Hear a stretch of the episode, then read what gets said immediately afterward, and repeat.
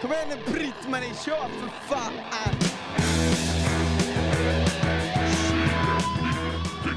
Det känns ju bra att C90-podden är tillbaka, eller vad säger ni? Fantastiskt. Helt otroligt bra. Det, det känns ju som det, var, det har varit mer än en pandemi emellan. En, det var så galet länge sedan. Och vi har ju, jag då David och Niklas, vår skånska stjärna, har ju fått eh, fantastisk förstärkning. Och det är ju ingen mindre än Fredrik Brolin. Tack! Hur står det till? Jo, det är bra. Det är bra. Det har varit en tung vinter, men eh, nu är det vår och eh, det är bara att le mot livet igen. Metallica Fredrik som det står i min telefon. Bara för att hålla isär alla Fredrik man känner. Ja, men det kan ju vara så att om man gillar Metallica så känner man igen namnet och kanske har läst Fredriks eminenta Metallica-bok. Ja, Ja, den hade vi ju här också. Den, det hade vi faktiskt. Just det. Hembesök var det Ja, till och med. precis. Just det. Precis, sorgespel och segertåg. Yes, Ja. just det.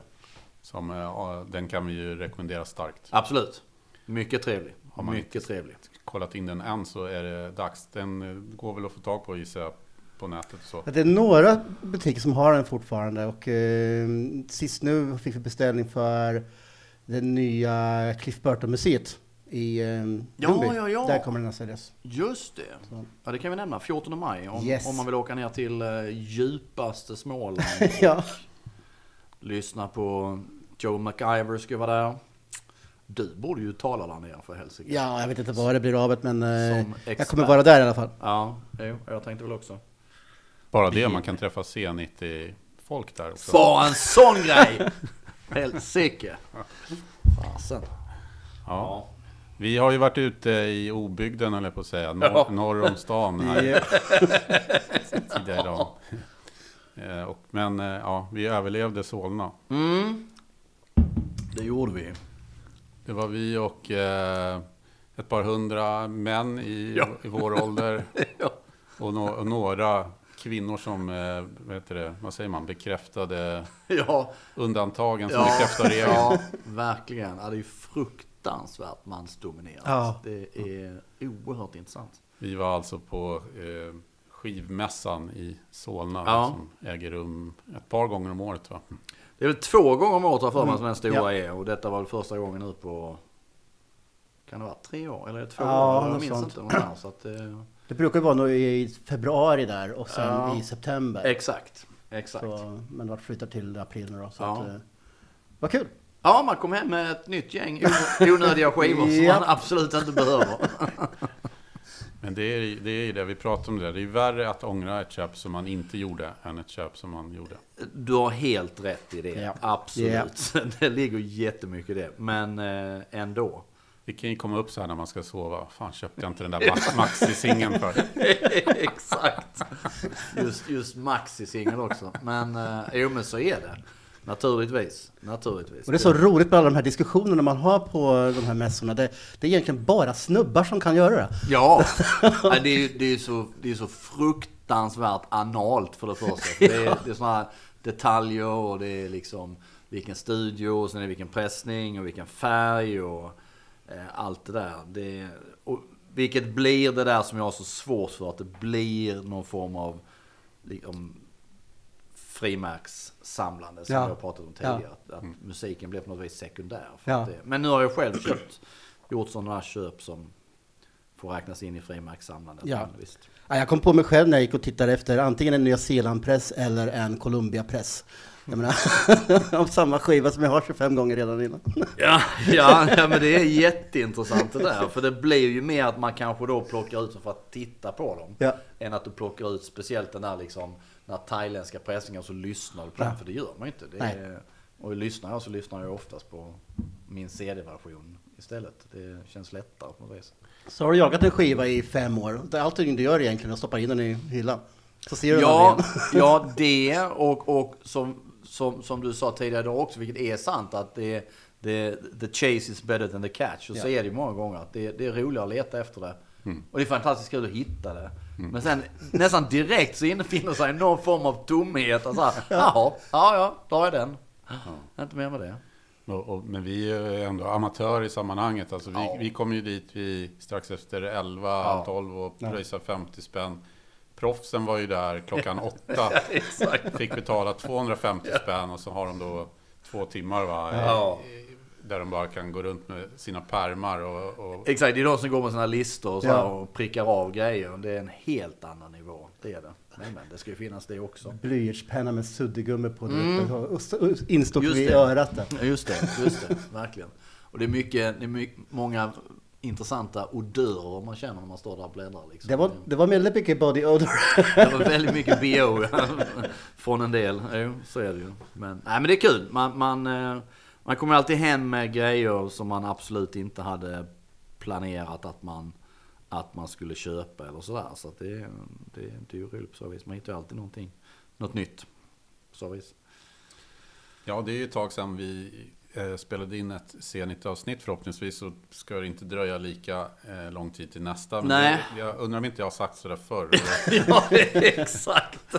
Ja, men sen, kommer, som- sen kommer livet emellan och, Ja. och, och, och jobb och allt annat sådär. Så att det, det Men, som det men ambitionen är i alla fall det. Och nu, vi har haft lite problem med lokal och sånt här. Så Ja. jag tror att vi nu har flera öppningar. På Absolut. Faktiskt. Så Ja, ja, eh, Det, det, kan, det kan bli en förbättring. Helt klart. Ja. Eh, är det någon som har varit på några bra konserter sista tiden?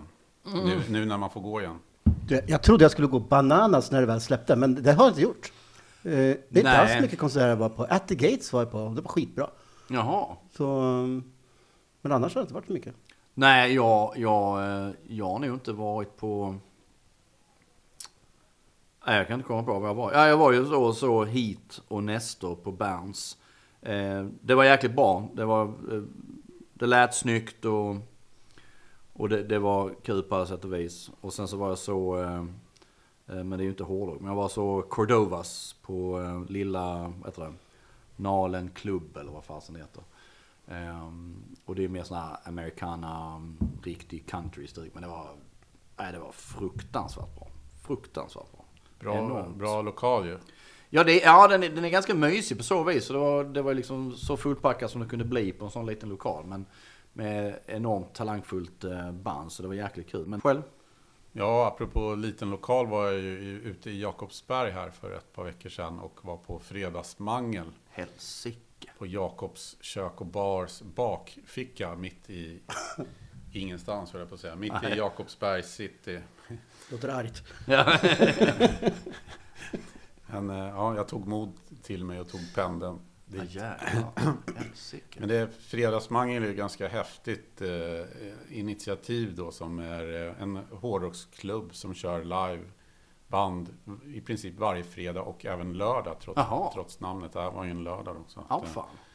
Eh, Nisse och Micke som är tappra entusiaster som har fått, Coolt. fått rulla på det där. Och, ja, väldigt skön stämning. Otroligt, det är ju som en liten pizzeria man kliver Ja, in på ja. liksom. Men det är, mycket så här härligt trevlig, gammal hedlig hårdrocksfeeling. Liksom. Ja. Bara glada miner och kul folk så här. Och jag var där och tittade på Horndal. Som, Ja, jag, som jag har lärt mig att Ja. man ska säga. Alltså är det Horndal? Ja, det är Horndal. Ja, ja, okej. Horndal får man säga.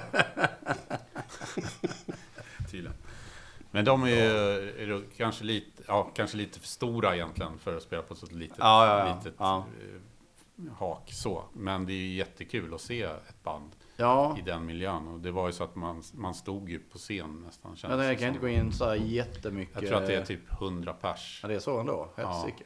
Ja, ja.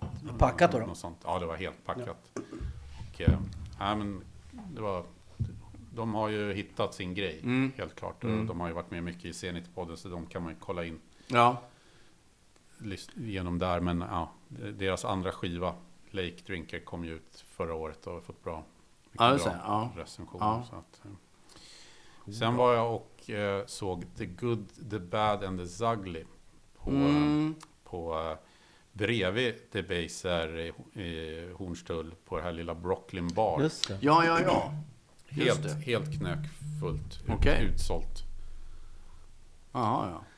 Eh, och eh, ja, det var riktigt bra. De har ju precis släppt eh, eh, en, ett nytt album, Research and Destroy. Det är ju, för de som inte känner till det, Skandinavien rock. Alltså det är turbo det är turbojugend eh, Ja, snubbar typ så här som eh, det finns ju mycket kärlek till actionrock och Ja, Turbo, just det. Turbo Negro. och hö- hö- Du har sett dem innan va? Högt tempo. Nej, det var första gången Var jag det? såg dem. Ja, Du har pratat om dem tidigare. ja det har jag Ja. gjort. Så. Det Just det. Mm. Riktigt bra. Om man, om man gillar den typen av eh, Mm. rock så är det definitivt värt att kolla in The Good, The Bad and The Ugly. De, lite kul också att de inledde med The Good, The Bad and The Ugly introt. Jaha, snyggt. Det är ju bra. Det är bra. Som ett visst annat band. ja, precis. Ja, ja, ja, ja, ja. Det är bra. Det är bra. Ja, ja. Starkt.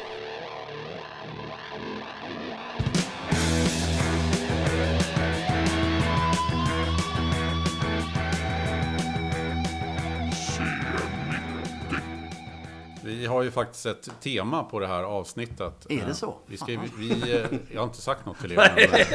Exakt. Jag ska ska vi bara det kasta ut det så här. Så pass pålästa som ni är så är det inga problem. Eh, Vi ska ju förflytta oss nästan 40 år tillbaka i tiden. Va? Ja, gud. Eh, Till någonting som kallats Lucia-rock. Och också varit en del missförstånd och felaktigheter om. Jag tror Ja. att vi hjälpte till någon gång att sprida detta. Disinformation. Ja. Ja. Men det handlar ju faktiskt om eh, den för hårdrockare så klassiska Dortmundfestivalen. Ja. Så jävla bra. Ja. I 17-18 december 1983.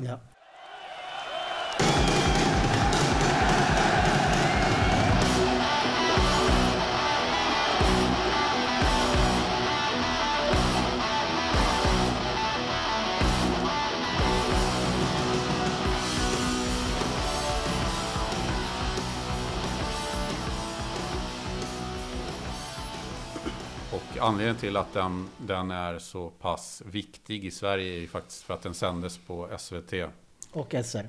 och SR precis. Just det. Eh, Mm. Och det var inte Lucia-natten utan det var sen i februari 84. Ja, februari eller mars. Eh, Jag tror det var i början av mars till och med, men tidigt 84. Och eh, ja, det var ju, eh, när man tittar tillbaka så är det ju ett enormt eh, eh, line-up Ja. som, som heter duga. Och eh, att de, nästan alla av banden på något sätt var i sin prime. Helt klart. Och- Helt klart. Och eh, ja, det, tv på den tiden, det är ju svårt för kidsen idag att förstå, men hade ju så enormt genomslag. Ja. Och jag, jag, eh, min kompis Jesper, som jag har nämnt tidigare ibland i serien till podden, han eh, berättade det att när han kom tillbaka till skolan dagen efter att det här hade sänts, så var, de gick han väl i mellanstadiet fortfarande, i princip alla killar hårdrockare. Ja, jag, jag ser det framför mig. Klippt av tofsen emellan här i nacken. Ja. Ja, gisses. Och det ligger någonting i det, för att det var ju sån impact liksom, när, Mm. när grejer var. Vi var ju så extremt svältfödda på musik och hårdrock framför allt. Och, eh, Oh ja. Att då få se de, Judas Priest och Maiden och Ozzy liksom live var ju... Ja, det är inte så konstigt eh, med tanke på eh, hur Nej. läget var att det, att det gjorde ett enormt intryck. Nej, verkligen. Och det, det, fast jag tänker lite, fast det måste vi, jag kommer inte ihåg om vi diskuterade det tidigare. Varifrån det här med Lucia kommer då? Jag Det tror- sändes inte ens i samband med Lucia. Nej. Det spelades inte in i samband med Nej. Lucia. Så att, Jag tror att det har blandats ihop på grund av att SVT hade ju de här Lucia-sändningarna under den här tiden, under några år. ja. Och det var ju något så här statligt initiativ liksom som, som fanns på den tiden. Att Ja. man skulle, ungdomarna skulle sitta hemma för att det var Ja, så, just det, så just bra det. på tv istället Just för att vara ute och, stöka liksom, på Ja, stan. Ja. just innan Lucia var det väldigt mycket fylla. Ja. Eh, Om man ville få bort det. Ja. Mm. Mm, Mellan 12 till 13 natten ju. Ja, Exakt. Precis, Ja. precis. Och, eh, så det, det var ju så det funkade då på den tiden. Att det var ju med symbios liksom. Med, Ja. eh, Hem och skola-föreningen och liksom något Underbart. sätt. Eh, Men det, sam, samtidigt är jag lite så här också, vilket jag inte alls har koll på, om alltså vilken betydelse Dortmund har haft liksom för, för hårdrock i andra länder. Om man tänker liksom Tyskland men även liksom Danmark, Norge, alltså våra grannar här och så här. Har, har, är det ett, ett, någonting som ses på med eh, samma glädje av människor i vår ålder? Eh, eller är det just i Sverige att det blev en så stor grej? Eh, och som har ju liksom, att det blev ett sånt nedslag verkligen som, som många tar fasta på. Att eh, Eh, det här var första gången man nästan man, man såg hårdrock på TV. Det var ganska mycket. Eh, jag vet inte. För att i Sverige har det ju blivit, pratar man med hårdrockare som är just i, man säger, i vår ålder. Så är det ju många som absolut har minnen av att de har sett det eller de åtminstone sen senare sett en inspelning av det. Och man pratar om det oftast väldigt lyriskt som att hur stort det var. Ja, så är det ju. Och alla vet egentligen om de spelar in det eller ej. Ja, Eh, och om de spelar in det på VHS och kassett. exakt. Jag hade ett sånt här bassband, C90, som jag spelade in tre stycken behövdes. Man fick vända på den när 45 minuter hade Ja. gått och så fick man ju vända och börja spela in. Men eh, det, är sant, det är sant, alltså, men jag har sett att i några forum att det är även tjecker och rumäner och sånt som har Okej. eh, som vurmar för det här. Då. Men Ja. inte lika mycket som Sverige, tror jag inte. Nej. Men det sändes i väldigt många länder vad jag förstår. Eh, I alla fall i de nordiska länderna och sen i Tyskland, Benelux och Okej. så. Och, eh, men, Men eh, för det med, med det med att det även sändes på radio. ja, Det tror jag inte jag hade någon som helst koll på tror jag förrän du nämnde det någon gång. nej. Eh, jag har inget minne av från den tiden när det var att jag hörde någonting. Jag hade ingen kompis som spelade in på radio. Mm. Jag hade en kompis som spelade in på Betamax. Eh, hela alltet. Och det satt vi ju sen åren efter och tittade på om och om igen. Eh, en sån här jävla toppmat, stor som ett kärnkraftverk för fan. Den här Ja. Betamax-videon. Helt makalöst. Vår vägde 16 kilo. Ja, ja, det var så helt genom golvet. Det är sinnessjukt. Eh, och han var typ den enda nästan på hela gatan som hade en, en videobandspelare. Jag menar, mina föräldrar köpte inte en video för en typ, jag tror, min farsa köpte det för en, oh, fasen, 88, 89 någonting sånt där. Jag var helt eh, befriad från sånt där. Eh, så det var alltid att man fick gå till kompisar och se allt det där man inte fick se. Men, men det minns jag just det här att han, han spelade in den på Betamax och det var verkligen en sån där höjdpunkt som vi vi tittade ofta på den och sen hade han även spelat in en film som jag till denna dag aldrig har sett igen. En krigsfilm med Humphrey Bogart, svartvit. Där de krigar, det är liksom ökenkriget under andra världskriget. Så de är i Afrika någonstans, i sand och så är de i någon jävla bunkerfästning där. Ehm, och jag har för jag kommer inte ihåg om det är den filmen också. Om det är från samma film med ehm, Carlsberg gjorde ju, när de började göra sina, sina roliga reklamer, eh, Worth Waiting For. Eh, så I är baren det där och så. baren med en, fat, en fantastiskt snygg kvinna. Som är från en krigsfilm. Men jag kommer inte ihåg om det är den, just, den, den krigsfilmen. Hon har så otroliga ögon. Jag minns att jag, jag liksom googlade sen, långt senare i, i, i eh, nätets linda. Just för att försöka hitta, vem fan är hon? Jag lyckades hitta vad hon var. Ehm, jäkla parentes där. Nej men den, den, det var liksom den krigsfilmen eller så var det Dortmund vi satt och, liksom och, och tittade på. Kontrast. Exakt. Krig och hårdrock. Det, det var det som var liksom kontentan av det hela. Men om, om man tittar på de banden som var med så var det alltså Iron Maiden, Judas Priest, Scorpions, Def Leppard, Ozzy Osbourne, Quiet Riot, Krokus och Mi- Michael Schenker. Just det. Och det- det bandet som kanske gjorde minst intryck och eh, även om deras skivor alltid var på baksidan av Okej-tidningen är ju schweiziska Krokus. Ja. Please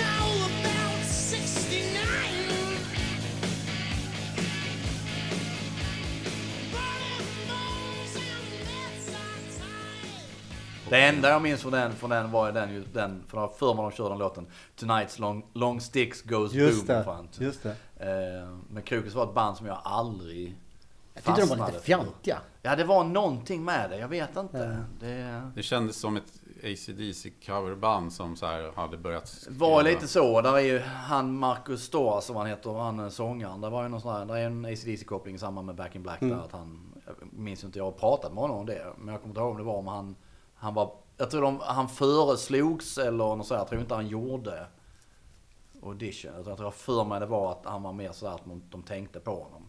Eller att han, någon annan tänkte att du skulle, med din röst skulle du passa. Eh, Men ja, nej, Krokus. Jag, men jag tror inte heller att... Eh, eh, jag tror inte jag bryr mig speciellt mycket om Michael Schenker och, och sådär heller. Det var lite för svårt för mig då. Jag lyssnade Ja. mycket på honom efteråt sen, men, eh, när jag blev äldre. Men Ja. då tyckte jag det var alldeles för mycket gitarronani för min Ja. smak. Ja. Jag, jag fattade mig inte på det, jag var för korkad eller var outbildad, jag- jag vet inte vad. Men eh, jag fattade bara inte. Nej.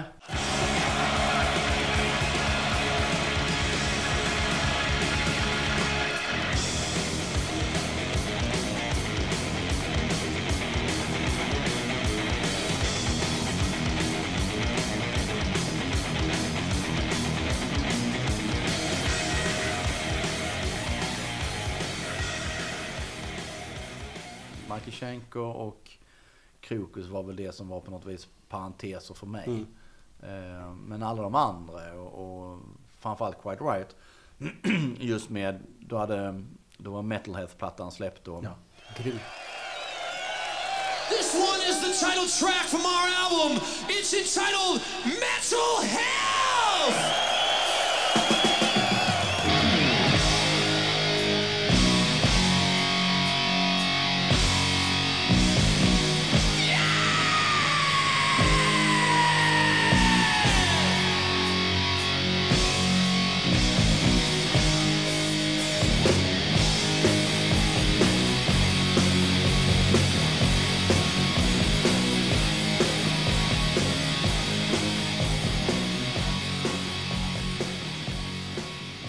Första, första hårdrocksplattan som blir etta i, på Billboard-listan i USA.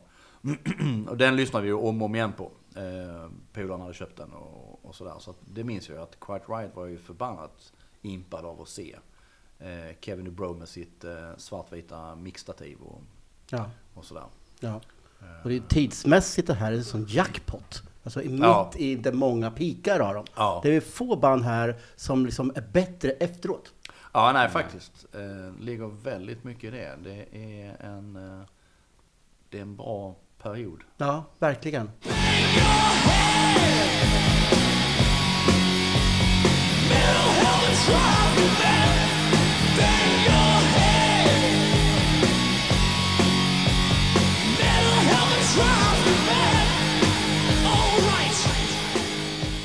Så har, Maiden har gjort en hel del efter, Live After Death kom ju efteråt men, och massa Absolut. grejer.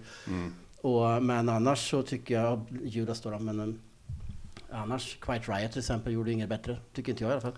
Nej, de, de släppte ju den Condition Critical sen Ja. efter. Jag, jag älskar ju den plattan. Eh, men efter det så... Det är bara du. Det, exakt. Det, jag, jag, tror, jag tror också det bara är, är jag. Och jag minns också att jag, när, när jag pratade med eh, eh, Frankie Benali, trummisen, som har tyvärr gått bort då, så eh, då var det just det också. För en, jag tror min absoluta favoritlåt, och det här har jag sagt, sagt tidigare, på, på den plattan, Condition Critical, är Red Alert, heter den. Tycker jag är fantastiskt. Och det var nästan att den inte kom med på plattan. Fan, det var så, det var så, ah, okej, kul. Det, det kändes ju så här fattigt att eh, de följde ju upp liksom metal, haft den här Bang Your Head som var liksom en så här, det blev lite anthem, hårdrocks anthem och sen den följde de ju upp Absolut. det, släppte Slade-covern där, eh, Come On Feel The Noise, som jag tror blev en ännu större hit. Ja, den, var, den är ju på Metalhead, så den var Mm. ju fantastisk. Och sen följer de upp det på Condi- Condition Critical, vilket jag för mig var mer en skivbolagsgrej. Och så gör de eh, Mamma We're All Crazy Now. som En också- till Just det. Slade, en till det. Slade-cover, Ja, och ja, det det- känns ju exakt. fantasilöst. Ja, det var Ja. lite pajigt. Ja, fast jag gillar den versionen också. Definitivt. Och jag gillar Slade också. Ah, oh ja, oh ja, oh ja, oh ja. Och det roliga är att. Slade inte kom lika högt som Quiet Riot gjorde med samma låt. Nej, nej. Eh, På Billboard. Eh, men eh, Noddy Holder skrattar hela vägen till banken. Det, Lite- det finns, finns en sån här med hon som brukar dyka upp varje år det här med just den, eh, deras den Merry Christmas-låten. Att det genom åren har tickat in rätt bra mycket pengar där alltså. Så att, ja. Nej men Quiet Riot var bra. De var, jag vet inte, jag gillade dem. Varenda amerikanerna va? Är det var det? Ja, en amerikaner på det. Ja, exakt. Ja. Vilket vi då kom fram till här innan var ju för att de, de var ute på um, Europaturné Just med, Judas. Priest. Ehm, Precis. Judas gjorde ju ett kanon eh, framträdande. ja, Måste man säga. De är ju då, har ju inte släppt min favoritplatta med Judas än, Defenders of the Faith. Den kommer ju senare. Ja, exakt. De spelar en låt från den, eh, Free Will Burning, fantastisk låt. ja det är usch. Men de har ju Screaming for Vengeance Ja. eh, i ryggen och hela. Electric Eye. Ja. Ja men se- avslutningslåten Hellbent for Leather när han sitter på bågen där på Ja. eh, lite casual på gaffeln. Ja det är så jävla bra. Fruktansvärt tungt. Nej, men de är ju kanske ett av världens genom tiderna bästa hårdrocksband under den här perioden. Även som Ja. vi pratade om i förra scenen på Assfest som är Ja. strax innan så är ju de är så Absolut. jävla självsäkra Ja. och liksom allting är, har ju fallit på plats Ja. till 100 procent på något sätt.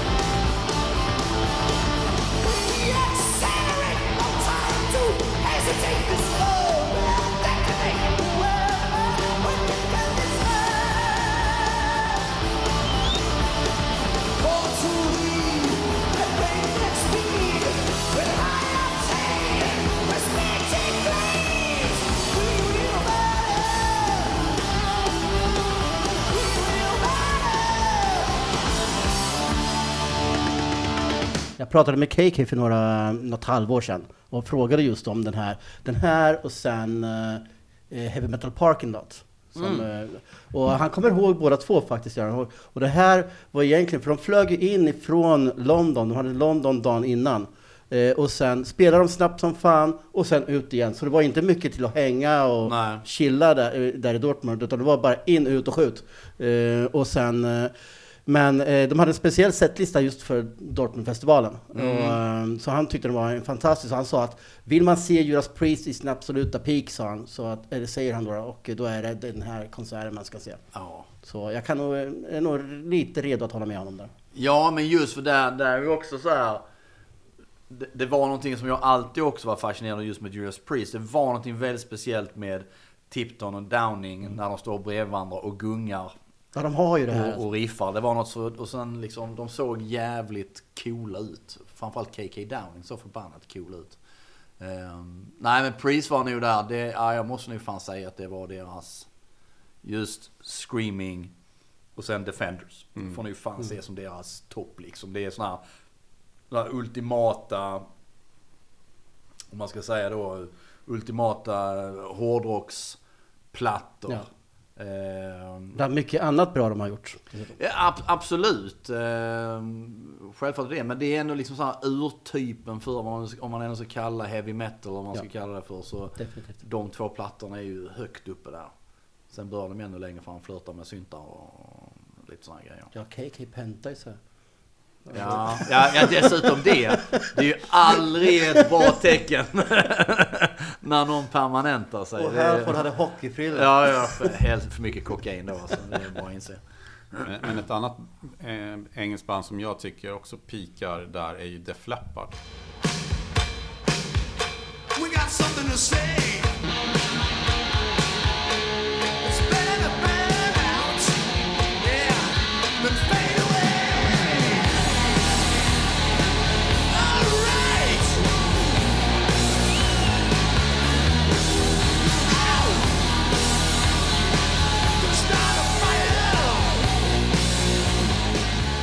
Ja, Och där i, i mina öron är de ju fortfarande ett hårdrocksband här. Oh ja. Definitivt Ja. som sprunget ur New Wave och British Heavy Metal. Även om jag vet att sångaren Joe Elliott har förnekat det och idag försöker skriva om historien på Mm. någon, av någon konstig anledning. För de har ju verkligen ingenting att skämmas för. Alltså, Nej. De, är, de gör ju en förbannat bra spelning i Dortmund där. Ja, Absolut. guld. Det var faktiskt första gången jag hörde dem. Mm. Så eh, jag var tio bast när det här var. Och, Ja. eh, men men eh, det var ju grymt. Mm. Eh, Men jag tyckte även den här Union Jack-linnet Mm. han hade på sig var coolt. Och även, det visste man ju inte då, trummisen hade två armar. Ja, exakt. Bara det. Jo men de var också, för, men där, för Def Leppard där också just med Pyromania och, och även sen då innan med, med, med High and Dry. Så alltså där är det ju också fortfarande, ja men vad ska jag säga, ja men det är ju heavy metal. Det är ju det som är liksom ganska tunga sådär. Ja. Och sen blir det ju, även om jag, jag fullkomligen älskar Hysteria det också, så, så blir det ju så ofantligt. Det blir ett annat band och det blir så mycket mer välputsat och så här. Ändå samma producent, Matt Lang. Um, men um, ja, nej. Nej, Def Leppard där var också överjävligt bra alltså. Fruktansvärt bra. De är på något sätt så, de sliter, det är sån jävla energi. Ja. De Mm. svettas och Ja. liksom, de ger verkligen järnet. Så I, in i helsike. Unga och hungriga fortfarande på något vis. Ja, ja, och de hade ju ändå stora framgångar med Pyromania där. Gud, ja. och, eh, men det kändes ändå som deras hunger var kvar och Ja. eh, de, nu får vi leka med de stora killarna och eh, nu jävlar gör vi något riktigt bra av det här. Verkligen. Så, Men det är alltså för Pyromania är också en sån skiva som jag kan... Spelar jag Def Leppard hemma så är det ju ofta det är Pyromania eller så är det Hysteria. ja, men det är samma här. Eh, men, men just att liksom sätta på Pyromania. Jag snackade med det med polaren häromdagen också. Det här med att... Han sa, Lemmy har sagt någonting sådär liksom att... Din, din smak eller vad det är. Eller liksom, fan är glädjen över skivor? Det liksom, den stannar någonstans när du är liksom så här 18 eller vad det är. Så all den musiken som är där i samband med, vilket också är väl det där med att det är då du man på något vis hittar sig själv och någon identitet och du är mer lättpåverkad, man är som en svamp och suger åt sig. Och saker som sen kommer efter det får inte samma effekt på dig. Köper jag en skiva då och även någonting nytt så är det kanske inte lika. Det är fantastiskt bra men det har nog inte samma genomslag så som det hade när man var så ung och påverkade på annat sätt och det var nytt på något vis och, och sådär.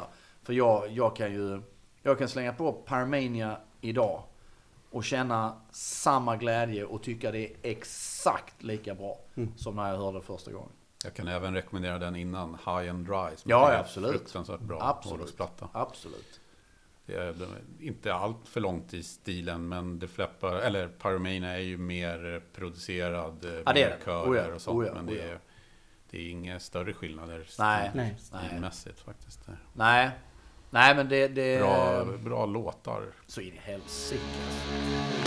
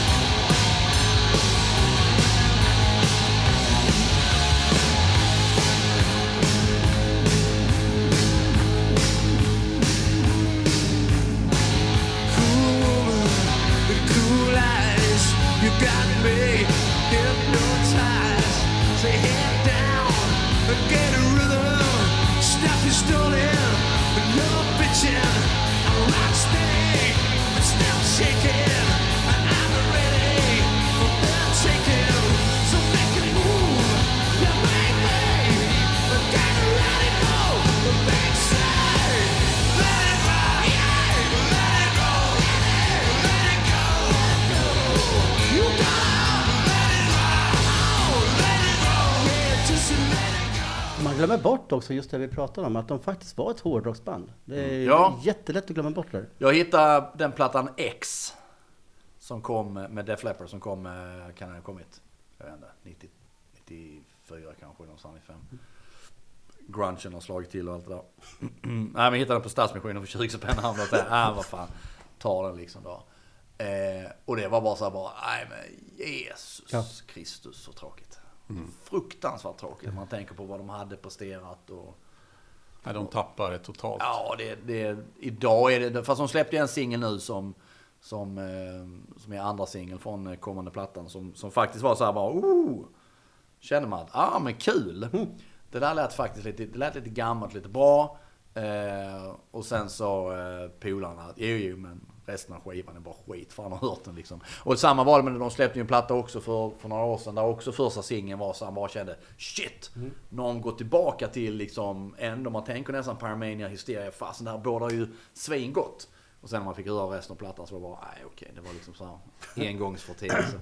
Och de gör ju ändå de gamla låtarna riktigt bra fortfarande. För eh, Sweden Oh ja. Rock, för vad var det några år sedan Ja, sist var, ja. så var de ju riktigt bra när de körde de gamla låtarna. Ja. Sen var det liksom gäsp eh, när de nyare kom in. Nej, det är inte samma, jag vet inte. Även de, de, fick, de har haft stora framgångar sen också med, med en del singlar och så här eh, av allt som kom efter Adrenalize och så här. Men jag kände att, nej jag vet inte. Redan med Adrenalize så kände jag att jag började tappa intresset. Ja, Det var ja, definitivt. Eh, vad kan man säga då om Scorpions som spelar ju nästan på hemmaplan i alla fall i hemlandet. Ja. Eh, eh, det är ju rätt kul att höra Klaus prata tyska mellan låtarna. Ja. Eh, men det tycker jag ändå är, munt! det- Jag tycker det hade ju varit jobbigt om man inte hade gjort det. Ja, det hade varit lite pajigt. ja. Ja, det hade väl varit. Det är lite Dolph Lundgren. Det är lite Dolph Lundgren, ja, ja exakt. Lite åt det hållet. De är ju Eh, också på ett väldigt bra ställe i karriären efter Blackout. Ja. Innan Love at First Sting. Ja. Blackout, en av deras absolut bästa plattor. Gud ja. Och jag så hittade en sån fantastiskt cool bild eh, från... Eh, ja, det, kan, det är nog Blackout-turnén. Eh, när de spelar i, i Frankrike. Eh, Robert Ellis, en fotograf som fotat my, mycket ACDC och, och så här. Eh, men eh, han la ut en skitcool bild där Klaus Meine står med en jävla eldkastare. På scen. Och samtidigt kommenterar han någonting, Robert Ellis, så här, med liksom, ah, den, den, en, någon sån här grej som blev väldigt kortlivad liksom så här. Men det ser för jäkla kanon, sån jättekanionstorm. Han ser nästan helt chockad ut för det är en sån enorm jävla eldkaskad. En jäkla cool grej. Jag har aldrig sett tidigare. Så att det är lite roligt. Coolt. Dyker upp, dyker upp nya grejer så här 40 år senare som man Ja. inte har en aning om. Scorpions generellt är ju tacksamt att plåta för jag menar, är någon som posar väldigt mycket och Ja, ja. i sina spandex så Ja. är ju de som har ju pyramider och allt vad det nu är. Så Ja, ja, ja, ja, ja. Hela tiden. Och Schenker har ju munnen öppen mer än vad han har stängd. Gud, ja. Det är lite kul att Mattias Jabs, gitarristen där, han har ju exakt samma svartvit-randiga spandexbrallor som Steve Harris. Ja, just det. ja, ja, visst. Jo, men det... Jo, men Scorpions är ju också där i sin... Ja. I sin prime Ja. på något vis. Det, det, just de åren man tänker så här 82, 83, 84 kanske innan, innan det som jag då egentligen älskar när all spandex och alla börjar se ut som kvinnor och så här, så, så är det liksom något, det är, något, det är liksom mer primal primal hårdrock så att säga. Och det är innan syntar började bli inblandade och alla skulle flirta Ja. med det. Så att Scorpions har ju också en tid där som är fasen alltså. Det, och de har också då spelat Buzz Festival. Eh, gjort stor succé där också och har ju då, just då, 83 eh, och sen ännu mer 84 efter att Love First Thing gjort sig ett jättenamn i USA. Mm. Börjat turnera de stora arenorna och dra skitmycket folk och så här. Så att det. Spelar in eh, Worldwide Live. Ja. Ja. Vilken jävla liveplatta alltså. Den hittade jag i Solna på mässan förresten för ett par år sedan. För, för 50 spänn eller någonting. Så det är inte speciellt. Är poster med också. Ja, för det, jag, jag, jag hittade den för något, något år sedan på så här, eh, vad heter det, en Maus och sånt skit. Skitfint skick liksom för, den säger nu 80 spänn så här, men det var ju inte postern med. Det var en Nej. jävla miss liksom. Inte för att jag skulle satt upp den, men det, Men precis, man, som, men man har den. precis som Bon Jovi-postern som jag köpte idag. Jag kommer inte sätta upp den heller. Toadörren. Ja, exakt. exakt. Verkligen.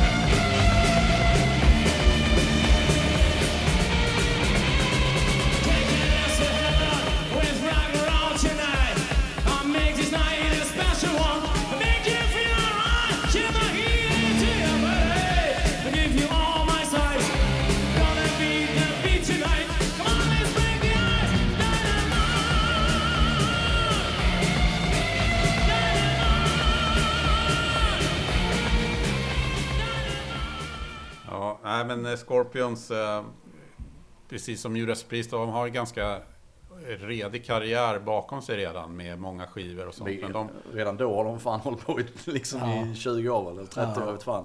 Hur länge som helst. men de lyckas ju liksom komma in i den här hårdrocksvågen på ett helt naturligt sätt utan att eh, förvanska sig på något sätt Ja, ja. eller göra sig Oh ja. till. Utan Oh de ja. bara vrider lite grann på det och, och på något sätt så blir det väldigt bra. Oj, helvete. Fan, jag håller på att välta grejer här. Ja. Jag bara tänkte i och med att du hade med, du, eh, Fredrik var ju uh, snäll och tog med sig ett uh, okej-nummer och sen första, är det va? Första Metal Hammer, första tyska Metal Hammer. Yes. Fantastisk uh, snygg bild med eh, Rob Halford på uh, motorcykeln på omslaget.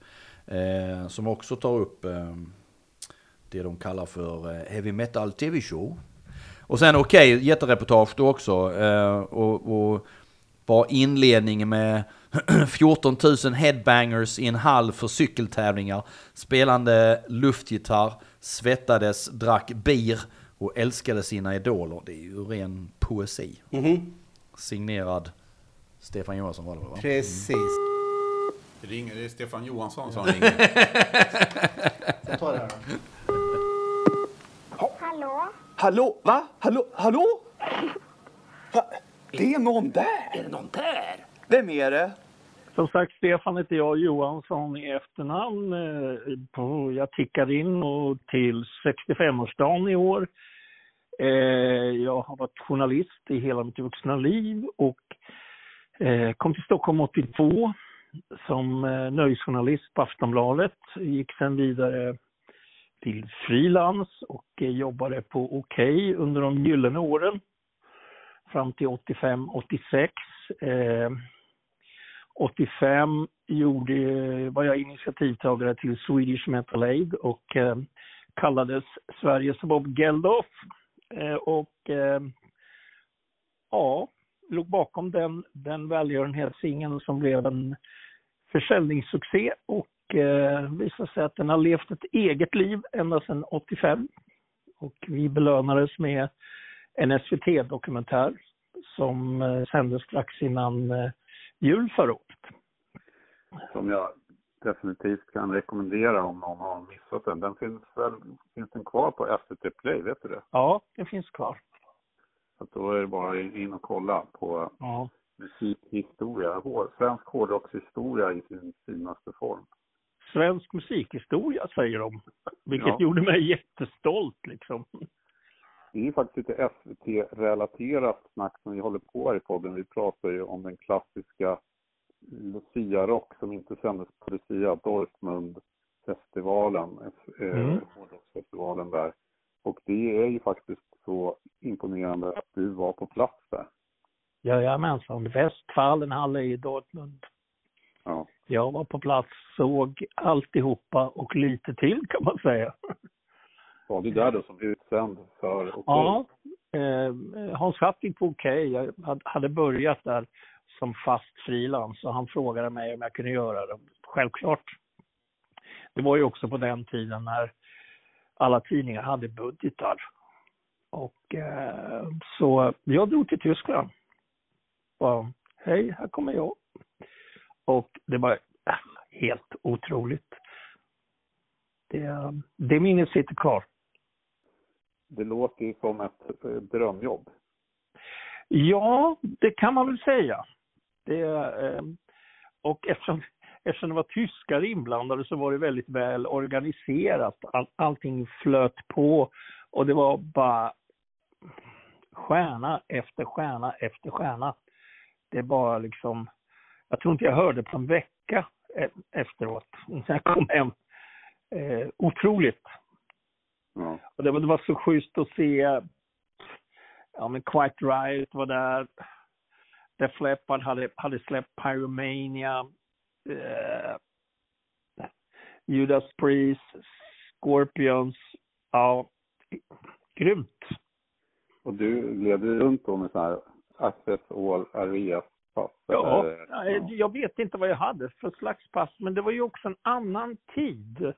Det var inte så helvetes mycket så security och låst överallt. Man, man pratade med någon som, som presenterade mig för någon och häng på. Det var liksom mer, mer sånt. Sen har det blivit väldigt tajt det här med, eh, jo, självklart hade jag pass, men det, allting var mycket lättare. Och hårdrocken var ju i ett annat läge då rent mediamässigt kan man säga att alla man var jävligt glada över att man hade åkt dit och ville prata med dem. Jag minns Quite Riot bara, oh wow, you're from Sweden och så eh, först drog de någonting av vodka och blonda svenska flickor. Så de var jätteglada. Eh, så kom in, kom in, ska du ha pilsner? Liksom sådär. Och sen när man ändå var inne backstage med Quite Riot, och då kommer någon, någon liksom tour manager för Ossi eller någon och så liksom blir man presenterad och så ah, katten på råttan, råttan på repet. Jag bara hängde runt. Funkar ju inte idag. Det är age of innocence kanske, jag vet inte. Du hade väl redan ett stort intresse? Absolut, eh, jag är ju hårdrockare i grunden. Det- är ju Ja. min, min första musikkärlek efter Hepstars på 60-talet. Eh, Så, eh, men, men jag växte upp med alltså, det som räknas som en gyllene period med, med Purple, Sabbath, Zeppelin, Uriah Heep. Alla de här. De första åren på 70-talet var ju helt magiska när det gällde rockplattor. Det är när man så här, som gammal hårdrockare tittar tillbaka just på Dorsten, det som är ganska anmärkningsvärt är ju att nästan alla av de här banden var ju på något sätt på sin peak just då. Ja, ja, ja en del av dem, men alltså jag, mitt favoritband The Fleppard tycker jag de pikar inte förrän 87 med Hysteria och, och sådär. Men du har rätt liksom att Scorpions Love at First Sting kom ju där eh, Ja. året efter va? och eh, Quite Right var ju stora som satan i USA men ingenting i Europa Nej. ganska töntigt band tycker jag. Som liksom byggde en karriär på Slade covers men Ja. det, det, ja. Men eh, blev det, blev det några efteråt kan man ju tänka att det var, då var de ganska unga och hade inte gjort alla rehabvändor än en del kanske. Nej för fan. Om, om, om du pratar om att banden har nått sin peak så var väl det där piken när det gäller eh, festandet. Det var inte så att de drack örtte och virkade backstage precis. Ja, det var ett jävla festande backstage. Jag minns att Ozzy backstage var ganska påtänd. Av vad vet jag inte, men han, han var ju fullständigt galen på den tiden. Men så visade det sig sen att hotellet jag bodde på strax utanför eh, stadskärnan eh, bodde Def Leppard på och eh, några andra. Och ett par veckor innan hade Def Leppard spelat i Stockholm, spela på Draken. Och då gjorde jag ett reportage eh, de, de tyckte om min bildidé så jag tog med mig en diabild ner. Så jag träffade dem på hotellet. Och sen när hela festivalen var över, då var det en helt jävla diabolisk fest i baren på det här hotellet. Ah, helt sanslöst.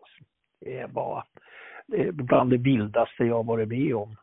Förutom när polisen kom på, på en Europe efterfest i, i Uppsala. När vi bröt, när jag och några andra bröt upp swimmingpoolen och, och sådär. Ja, det vilda storyn. Men Ja, vilken fest. Oskar var med, han, han, han kom in, det var ett gäng som festade. Makishenka var där, Leppard, folk från Maiden, Maidens manager, Smallwood. Eh, sen måste jag säga att Eh, jag var väl rätt packad så jag kommer inte ihåg mer. Men jag kommer ihåg att Ozzy Osbourne får något frispel där på natten. Och eh, börjar skrika om att han är Prince of Darkness och eh, Hell och Devil och allt vad det är. Och ligger på golvet och bara på knä och håller på att göra besvärjelser. Helt galet var det. Jag minns att Iron Maidens manager Rod Smallwood stod för drinkar. Det var, rikt, det var riktigt vilt alltså. Men det var ju liksom oskyldigt, alla var så unga och alla var ju liksom glada. Det var ju party. Mm. Och så, så bondade de liksom, för alla hade giggat och eh, några skulle inte vidare direkt. Så all, de hängde med varandra. Det var lite sådär, ja i brist på bättre ord, lite firmafest. Och Maiden hade väl en slags turnéavslutning där. De kastade ju tårtor på varandra och grejer på scen. Ja. Och så minns jag också att jag fick kontakt med Judas Priest och skulle då få en intervju med Rob Halford. Och jag var skitnervös innan för han såg så jävla arg ut jämt. Och leds in till honom. Han är ju som en nallebjörn, som han alltid är. Skittrevlig. Och satt och snackade om Judas och eh, jag vet, jag leddes upp till Bruce Dickinsons hotellrum och vi satt och pratade och fick tid på mig och liksom blev väldigt vänligt bemött. Ja, den enda jag har hört tidigare som är svensk som jag vet vad det är, var- är ju Leif Edling från Candlemass. Ja, Som tydligen var i, långt fram och, och i publikhavet där. jag tror jag mötte honom. Alltså jag har ett svagt minne av att jag mötte honom på stan eller när jag var ute och drack pilsner. Nej, någonting sånt. Om man ser det som konsertupplevelse då, vad, vilket gjorde störst intryck på dig? Eh, eh, nummer två, Judas Priest. Jag tyckte det var så jävla ball show och ball backline med Marshall-stackarna som delade sig och kom han ut i, på motorcykeln, det, det var tungt. Och Scorpions, den levande pyramiden som de avslutat sina konserter med. Ja, du vet vad jag menar va? Mm, mm. Mm. Nummer ett är Fleppard. Och eh, där började min, alltså, jag hade lyssnat på Def Leppard tidigare, men där det började en lång relation eh, för mig till Def Leppard, både liksom musikaliskt och eh, nästan vänskapsmässigt. Eh, så eh, vi, vi träffades ett antal gånger. Jag blev blev bjuden till Sheffield 1987 och eh, det det är ett av mina finaste minnen någonsin. Och vi skulle göra ett reportage för tidningen Slits innan Slits hade blivit en herrtidning. då. De hade efterfest efter giget i Sheffield, det homecoming gig med sina föräldrar. Och eh, det slutade med att jag drack med sångaren Joe Elliots pappa, Joe Elliot senior. Och han drog en massa historier. Så jag sa till min fotograf att liksom, nu vinklar vi om hela reportaget. Det kommer att handla om Def Leppards föräldrar. Världens då största hårdrockband, september 1987. Föräldrarna får berätta om sönernas framgång. Och jag minns eh, i ett ganska drucket tillstånd två saker. Joe Elliot kom, kommer fram till mig liksom, så, och kollar på sin pappa och mamma där och, eh, och, så, och så säger han till mig, alltså akta dig för farsan när han bara ska, han försöker dricka dig under bordet nu, jag bara varnar dig, så garvar han. Det minns jag när jag vacklade ut på en sån här ovanvåningen på en sån här working man's club som man hade i England förut. Då, som hade, hade abonnerat skulle ut och, och slå en båge. Och då blir Steve Clark utskälld av sin mamma. Troligtvis för att han var så jävla full. Dessutom, från gigget så delar vi taxi med Steve Clark. Han satt med en sån här jättestor plastmugg Bloody Mary. Och då förklarade skivbolagstjejen för mig att ja, vi ger honom Bloody Mary ibland så han ska få i sig några vitaminer. Eh, det slutade med att jag fick en guldskiva för Hysteria som tack för hjälpen. Det är också ett stolt ögonblick. Lite skrytsamt kanske, men det, jag är väldigt stolt över det. Jag ser den nu, jag sitter på väggen. Den sitter bredvid eh, platinaskivan för Metal Aid, så vad fan, det är roligt. Som sagt, jag fick, jag fick vara med om en, en jag är väl tacksam för att eh, jag fick vara med om en gyllene period som jag sa att det, det var liksom o, oskuldsfullt på något sätt. Det var lite pionjäranda och Okej var praktiskt taget de enda som skrev om hårdrock som gjorde det stort. Sen, sen har ju, hakade ju andra tidningar på, Aftonbladet, Expressen och sådär. Men det var en jävla, nästan lite underdog-känsla som var skön. Du, nu måste vi sluta så för nu kommer Anita. Men vi, vi, vad vi får gör inte... ni? Men vad gör ni? Vadå?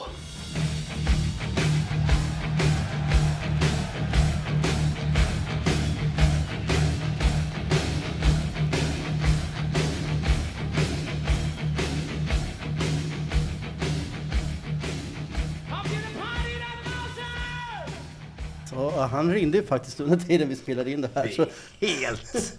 Vad är oddsen? ja, vad är oddsen? Så, men här lärde man sig sitt, sitt första sitt första tyska ord också som var Zugabe. Jaha? Det är eh, en gång till. Ja, ja, ja. Okej. Sugabe. Sugabe. Okej, det missade jag då ju, men det... Herregud. Jag hade ändå en mamma som var tysklärare, men det snappade inte upp alls. Nej, men det, detta är ju... eh, Vilket okej-nummer är detta? Detta är nummer två, 1984. Ja. Dynasty på omslaget. Bara en sån grej. Blir det inte bättre? Nej, heter och... hon? Eh, Linda Evans va? Exakt. Eh, eh, och så hade vi ju Fallon, Heather Locklear. Eh, och så får vi... Hon? Eh, John Collins. John Collins. Eh, och så får vi dessutom veta att Carolas före detta kille, Staffan Edenroth, spelar i ett band som heter är fantastiskt. Plansch på Ozzy, Bark at the Moon och Fame. Helvete alltså. Ja, men Okej var väl rätt bra på att veta vad de kunde sätta på baksidan för att det inte skulle bli någon konflikt liksom. Ja, ja, ja, ja. Det be, blev ingen snack om vilken Nej, som skulle, man skulle sätta. och här är en av få, eh, en av få eh, baksidor där det inte är någon hårdrock på. Och till och med att det, Skivklubben. Att ja, det är kassetter här också. Ja. Scandinavian Music Club. Underbart. Välj tre för 9 kronor styck. Helt sticka. Ja, du sa Ossi där. Ossi spelade ju också Ja, på eh, Dortmundfestivalen. Vad kan man säga om den spelningen Fredrik? Ja men Ozzy. det vad kan man inte säga. Han är så, han är ju fantastisk. Och jag hade aldrig sett Ozzy röra sig. När jag såg nej, det, nej men det måste ju Fick du vara... inte se nu heller? Nej, egentligen inte. Han stod ju bara vid mixtativet. Så, men jag trodde ju att han skulle komma ut som varulv. Det är klart. Ja, vad fan. Han var ju så på omslaget. Ja. Exakt.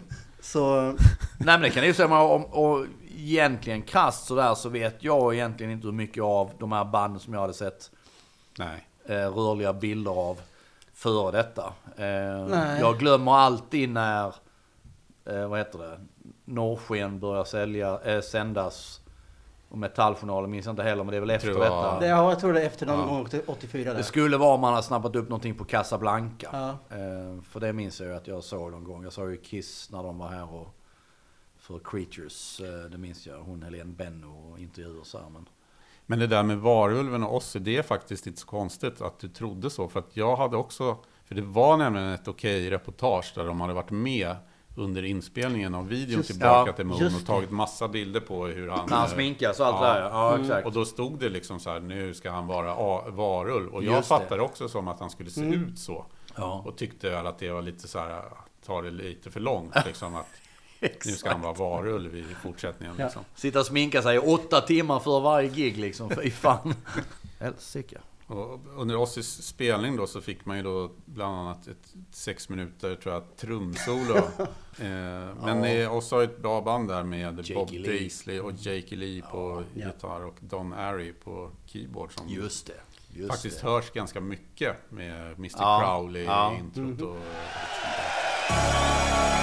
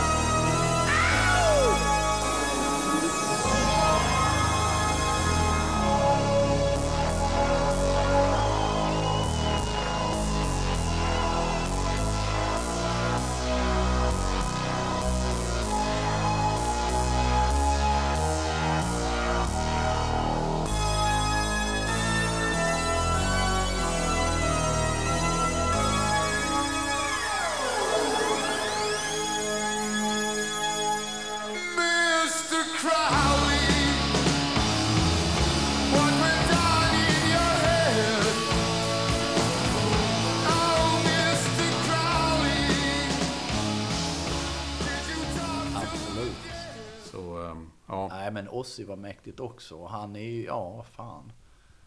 Bark at the Moon. Ja. Och um, avslutar med två Black Sabbath-låtar. Parano- Ja. Paranoid och Iron Man. Ja. ja, Ja, det är... som, man sen har, eh, som sen har blivit totalt sönderspelade i, Ja. i mina Ja, ja, så är det ju. Men det hör väl till på något sätt att det ska avslutas med det. Ja, ja. visst.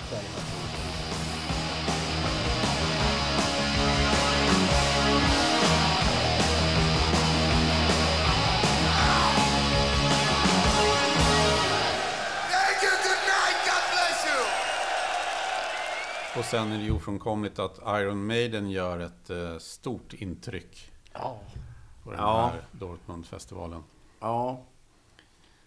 Uh, ja men Maiden var nog det band som jag då tillsammans med Kiss var väl det jag lyssnade mest på. Maiden, Kiss och AC/DC tror jag var väl de band som mest lyssnade på hemma. Ja, samma. Eh, och Maiden hade jag ändå varit med då när Number of the Beast släpptes och den var ju helt såld på. Ehm, och sen även Peace of Mind.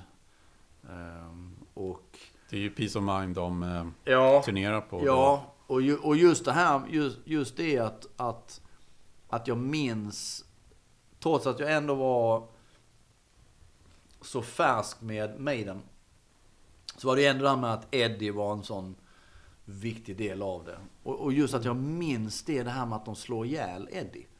Att jag, liksom, tankarna gick verkligen så. Men vad fan ska de göra nu då? Mm. Vad, vad fan ska någon slagit ihjäl Eddie liksom? Deras maskot. Vad fan ska de använda nu? liksom så jag minns att jag verkligen gick och grubblade på det. Att, att vi gick och pratade bland kompisar. Så här, liksom, vad fan ska de göra nu? Nu har de slagit ihjäl honom. Klart han blev en konstigt. mumie. Ja exakt, jäkla Ja. konstigt så här. Men, ehm, nej men det minns jag som att det var också, ju- just deras gig var också ett som stod ut på något vis. Och, och det är ju också samma sak där, det är ju första gången som jag liksom ser Eddie som figur på scen Ja. och sådär. Eh, innan har jag bara varit liksom alla ritningar och, och albumomslag och singelomslag och sånt där. Det har inte sett honom på scen när han spacerar runt. Jag hade sett någon VHS-kopia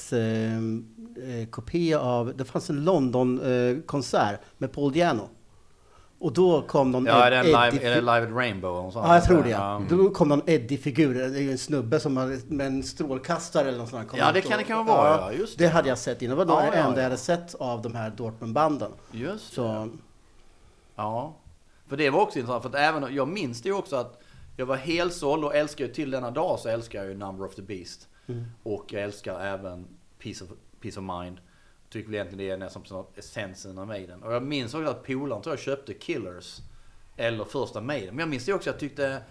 Samma sak där. Jag måste ha varit en jävligt känslig pojke när jag var liksom så här, för att, Precis som att du tyckte att Metallica mest såg ut som svettiga sluskar liksom så här. Så minns jag det också att jag gillade inte, jag tror inte jag gillade omslagen. Och jag gillade inte Killers, det här med att han stod med en, med en yxa med blod på och, och så här. Klart jag är inte gammal då. Då är jag, ja, fan då är jag 10 bast. Eh, och när, och jag är 11 när Number of the Beast släpps. Så man var väl mer lättpåverkad på så vis. Men, eh, men jag minns det att jag, och att jag tyckte att det, det, det liksom, det lät annorlunda med Dianos röst. Eh, Att det var, inte, det var inte samma band och det, det nej, jag, jag tyckte inte det var lika bra. Sen idag uppskattar jag och tycker att det är både första och även Killers är jävligt bra plattor.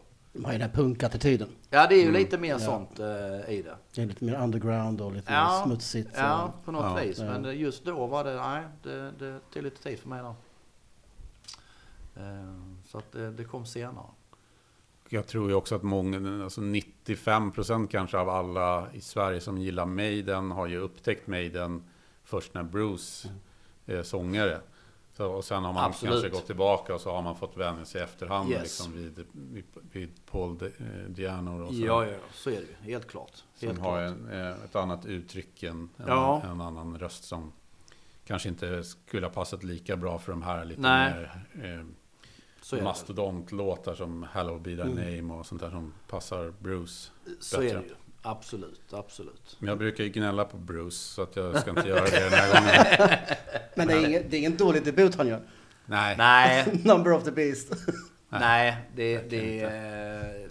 Men som sagt, det är också, vilket vi pratat om tusen gånger, men det är också där med, för att många tycker liksom då så här Number of the Beast och nej, men lite så här dussinplatta och, och sådär. Och, det, och sen är, oftast är det ju, ofta får eh, låten ehm, eh, Gangland plockas oftast ut som att det är en jävligt dålig låt.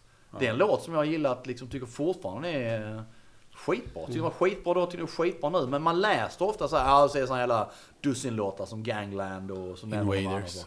Ja, lite intressant. Jag vet inte. Men det det, var ju rätt mycket snack om den plattan eftersom den firade 40 här i rätt nyligen. Ja, Just det. stämmer. Eh, I år måste det ha varit. Och Ja, det är eh, det som är det konstiga tycker jag med den är ju att det är fel B-sida och A-sida. Mhm. Att in, in Number of the Beast med det här självklara introt liksom Du menar att den skulle legat först? skulle ju såklart ha legat Ja, först ja, ja. och sen. Run to the Hills som låter med två. Ja. Istället inleds den ju inte som någon riktig klassiker Nej, liksom med Invaders. i. Så har att, eh, det skulle inte förvåna mig om det är något, har blivit fel. Ja, det är möjligt. Vet man aldrig. Mycket kan ju Så hända. här, shit, liksom. vi pressade skrev fel sida. då, får det, då får det bli det. Exakt. Så jävla B. Ja, men hur kan man inte ha The Number of Nej. Beast som första Ja. låt? Ja. Eh, nej, det är ju faktiskt lite intressant. Med röstintrot och Ja. det, är, det är som ja, det är klippt och skuret som Ja, intro. det är det verkligen. Det är det verkligen. Ja. Ja, konstigt. Ja. Ja, Jesus. Men, eh, nej, men jag kan förstå dem som de, de flesta hyllar väl den plattan vad jag har sett. Men den- det, det gnället som är är väl att det kanske är några låtar som är lite fillers i, tycker jag, i mina... Ja, jo, eh, det är väl mycket möjligt. Men, ja, men det är samma sak där. Menar också, just det, det, det var det jag skulle säga innan också. Att det, är- det är också det här ständiga. Det är, det är så fruktansvärt mycket nostalgi med de här plattorna. Så att i, i det hopkoket av nostalgi och allting och, och sådär så blir det att de plattorna blir mycket bättre på något vis. Än vad de kanske egentligen är för att det var en sån tid i livet. Ja. Då, eh, allting var nytt och fast man köpte knappt några plattor för man hade inte råd att köpa plattor Nej. för fan. Så det, Man blev ju grymt imponerad när man såg några hårdrockare som oftast då var några år äldre och så hade Ja. de Number of the Beast-ryggmärke. Ja, liksom. ja, Jag tänkte, exakt. Tänk Ja, om man visst. var sådär cool själv. ja, jo, men verkligen. Det, Min, det, min första hårdrockstisha jag köpte var den här eh, Number of the Beast-singeln. När Eddie håller den här lilla, vad är det, demon eller någonting han håller. Ja, ja, ja. Så håller fram. Det var min första. Och då hälsade en niondeklassare på mig. För jag, för jag växte ju för att 40 du hade meter. singeln. Nej, för att jag hade tishan på mig. tishan Ja, ja, ja. Så, och eh, jag vart ju så jävla stolt. och, och så kom en snubbe, i, eh, eller en kompis i skolan eh, och sa att det där är min brorsa. Så då, då var jag inte så lika cool längre. Ja, det minns man. man. Man blev lite på något vis så här, lite intressant. Jag minns det också att det var så här. Nå, man, man kände dem lite lös sådär som var två, tre år äldre när man gick på högstadiet eller så här. De gick i nian, själv gick man kanske i sexan för det var på samma skola som vi. Och eh, man blev lite sådär att man, det var något speciellt. Man fick uppmärksamhet från de som klassades som de, de coola, tuffa killarna liksom. Som var väl lite hårdrockare så. Ja. så Man blev sedd på något vis. Eh, men eh, ja, en annan tid. Ja, man såg ju en hårdrockare på 2000 mils Ja, ja, avstånd. Oh. Det här på andra sidan jordklotet. Och, eh, och man hade alltid någonting att prata om. Jo men så är det väl, eh, absolut. Det, det är ju ett... Eh, det, man förbrödras på något vis Ja. med, med andra hårdrockare. Det går alltid att prata om någonting. För det fanns ju bara två sorters människor då på den tiden. Det var ju syntare och hårdrockare. Ja, jo men så var det ju. Helske. Lemmis Trinkbecher, vad betyder det? Dryckes, vad är det? Bägare. Ja det är det, Bä- bägare. Ja, ja, ja, ja. Niklas sitter och bläddrar i tyska ja. några Man försöker med sin skol... eh, Se ifall skoltyska, Zugabe liksom. står det. Ja. Zugabe. Det flippar Bühnekleidung, det må, måste vara scenkläder Ja. Ja. För det minns man i byn.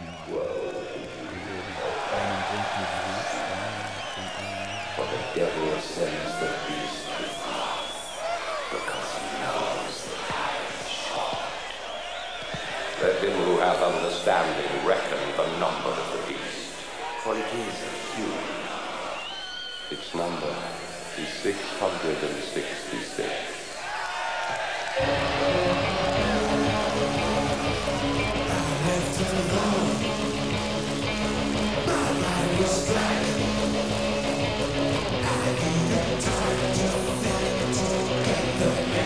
What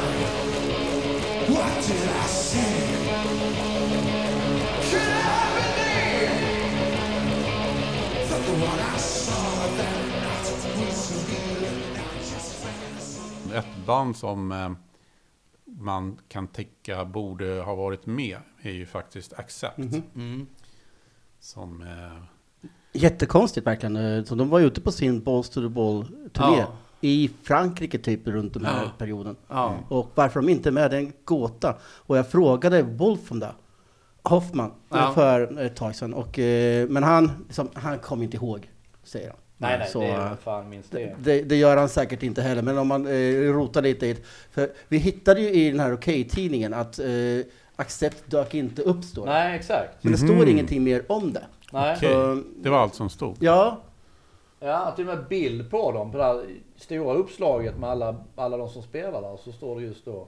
Det var lite Accept märkligt. dök Ja. aldrig. för de passar ju absolut in i line-upen här. Ja. Så Definitivt. Det skulle vara intressant att veta liksom, hur man satte ihop line-upen på den här festivalen och vilka man fick nej från. Ja, exakt. Eh, och jag för mig att det var det att... Är det inte att det är en roterande scen eller vad fan det är? ja, jag förstod det som att det var två scener. En på, Eller så var det kanske. En, så var det Ja. kanske. Just det ja. Så var det ja. Så, Så att de kunde varva liksom. Exakt. Ja. Så när de var klara då kunde nästa. Då kunde precis, de och det, det är nog inte andra. lång väntetid mellan. Så du stod längst bak på ena och så stod du längst fram på andra. Du bara hoppas att du var på Ja. rätt, rätt band då. Jo men för jag tänker att eh, Maiden Mm. har väl ändå, de har väl det scenbygget som de hade på turnén, har de inte det? Ja, och det är, ja, men det är liknande i alla fall. Ja. Eh, och de, de, de var nog huvudband. Så att eh, de andra spelade på deras scen. Sen Ja. har du även Judas. De kanske var huvudband på andra sidan. Ja, så kan Men å andra sidan, Scorpions hade ju också, de spelade kanske på olika dagar. Mm, de Ja. har ju sin skorpion där under Ja. podiet och det. Ja, just det. Mm. Just det. Men, eh, Vi kommer fram till det. Maiden spelar ju två dagar. Yes. Och, även det Leppard. yes. Ja. De kör längre gig eh, på, Mm. på den 17 och sen de som visas tv är väl från dag två då, som är kortare. Ja, det är där de slaktar Eddie också. Mm. Eh, Just det. Maiden. För det är sista. Ja. Och kastar tårta på varandra. ja, precis. Ja. Ja, just det. Så det var ju den definitiva avslutningen på Ja. World Peace Tour. Ja. Och sen som vi har nämnt tidigare en gång det är att, att Leif Edling, Candlemass, han är på plats. Det är stort. Jävligt tungt. Det är fruktansvärt tungt. Ja. Och fotar bland annat Judas Priest. Shit alltså. Eh, Så en, e, vad säger man, medhavd Instamatic Exakt. Vilka finns här? Det- är tre, fyra bilder i alla fall som jag har för mig det finns i, i ehm, Martin Popovs um, Painkillers heter den boken. Hans Judas Priest. Han har gjort flera, men just den som är mycket foton och merchandise ska jag säga. Där är Edlings bilder med. Så jävla stort. Ja, det är lite kaxigt Ja, faktiskt. och, Det var han och Stefan Johansson. Ja. ja, exakt. Det var de, de två svenskarna som var. Ja, man undrar, det undrar man ju också lite. Alltså, det borde ju ha varit andra svenskar där också. Ja, Eh, inte för att jag visste om att det skulle vara en stor festival i Dortmund. Definitivt inte. Jag har sett t-shirts och sånt på uh, Oz Festival, på Heavy Metal-dagen. Ja. eh, Med eh, Van Halen högst upp. Ja. också. Men jag har inte sett några t-shirts för Dortmund-festivalen faktiskt. Nej. Eh, Det är, ehm, men det borde ju finnas. Alltså, Det första han inleder med här, Stefan Johansson, i sitt reportage är ju just att eh, souvenirförsäljarna eh, sålde väldigt, väldigt mycket. Mm. Men det kanske var vid enskilda banden. Jag, jag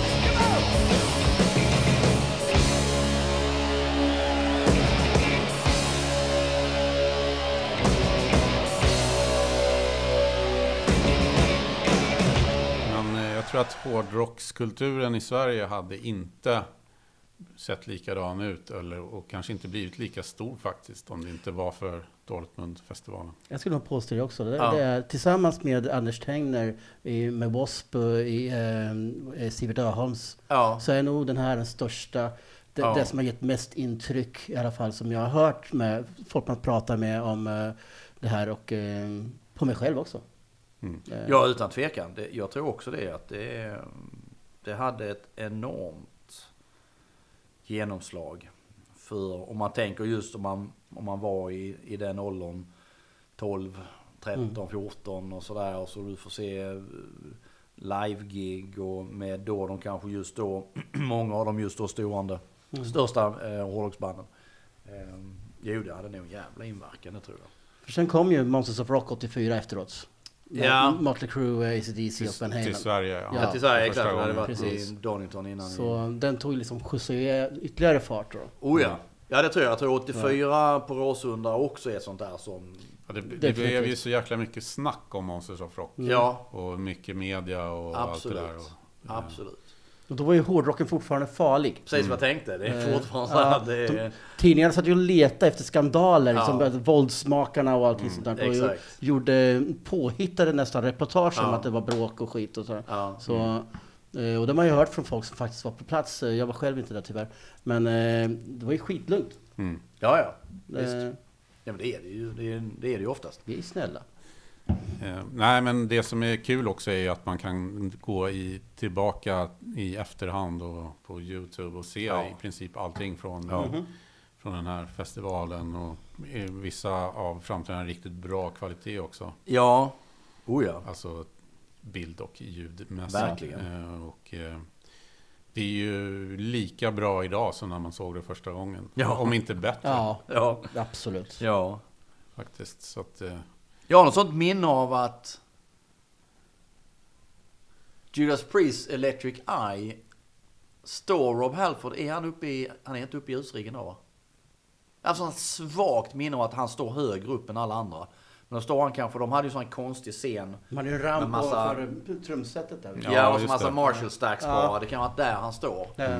Eh, och så för mig, undrar, är det så här laserljus och sånt på honom? Det är en sån här, eh, eller är det senare någonting man sett? Fan, jag får, gå- jag får gå hem och kolla om han kommer hem. Kan aldrig bli trött på det. Nej. man hade bra musiksmak som eh, 12-åring helt enkelt. Fantastiskt. Men en föredöme för mänskligheten. Det är inte mycket som har hänt sedan dess. Nej, Eh, ingenting. Det var det. That's it. eh, konstigt. Ja. Ja. ja. Eh, Fantastiskt. Då måste vi eh, kolla, Niklas, hur har det gått med träningen? Oj, just det. Ja men faktum är ju att jag, jag går ju till jobbet sedan säkert ett halvår tillbaka. Eh, och har inte, inte skippat en enda dag. Trots snöoväder och allting så har jag... Så jag gör ju mina 10 000 steg om dagen. Starkt. Ja, och sen så eh, någon gång har jag väl gått tillbaka också, men det... När man ska hem så sammanfaller det oftast med att man ska handla och det ska handlas kvällsmat och liknande. Så då, då blir det lättare att ta bussen eller tunnelbanan hem. Men eh, ja, nej, så på så vis. Så egentligen borde jag väl iklä mig lite coolare kläder när jag spatserar på morgonen i raskt tempo. Ja, vi pratade ju om eh, för länge sedan, typ vårt förra avsnitt. Ja, exakt. om eh, eh, Overmatch, Ja. eh, som har ju faktiskt ett bra träningsmerch. Absolut. Eh, och jag har ju testat eh, de här t-shirtarna och även löpartightsen och shortsen som är riktigt bra kvalitet. Och nu De var har, jävligt snygga också. ja, Motörhead hade du bara. ja, Ja. Motorhead, eh, Stay Clean och Just det. eh, Ace of Spades. Just det.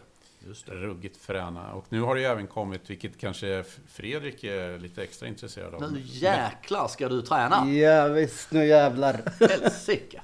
Metallica-merch. Det fanns flera olika eh, motiv. Och en del är rätt snygga och lite eh, så här äldre grejer som Damaging Corporate. Ja, verkligen. Alltså Damaging som du sa. Eh, Master of Puppets-turnén. Den var ju assnygg. Ja, Så- ja, jag gillar den med Kill 'Em All också för det, jag tyckte den var jävligt eh, eh, cool. Eh, så att, eh, nej, det är absolut värt att kolla in. Kolla in det på Overmatch som finns på Instagram, Facebook och webbsida. Och det är ju faktiskt så bra så att använder man rabattkoden C90 så får man hela 20% rabatt på hela inköpet. Fasen.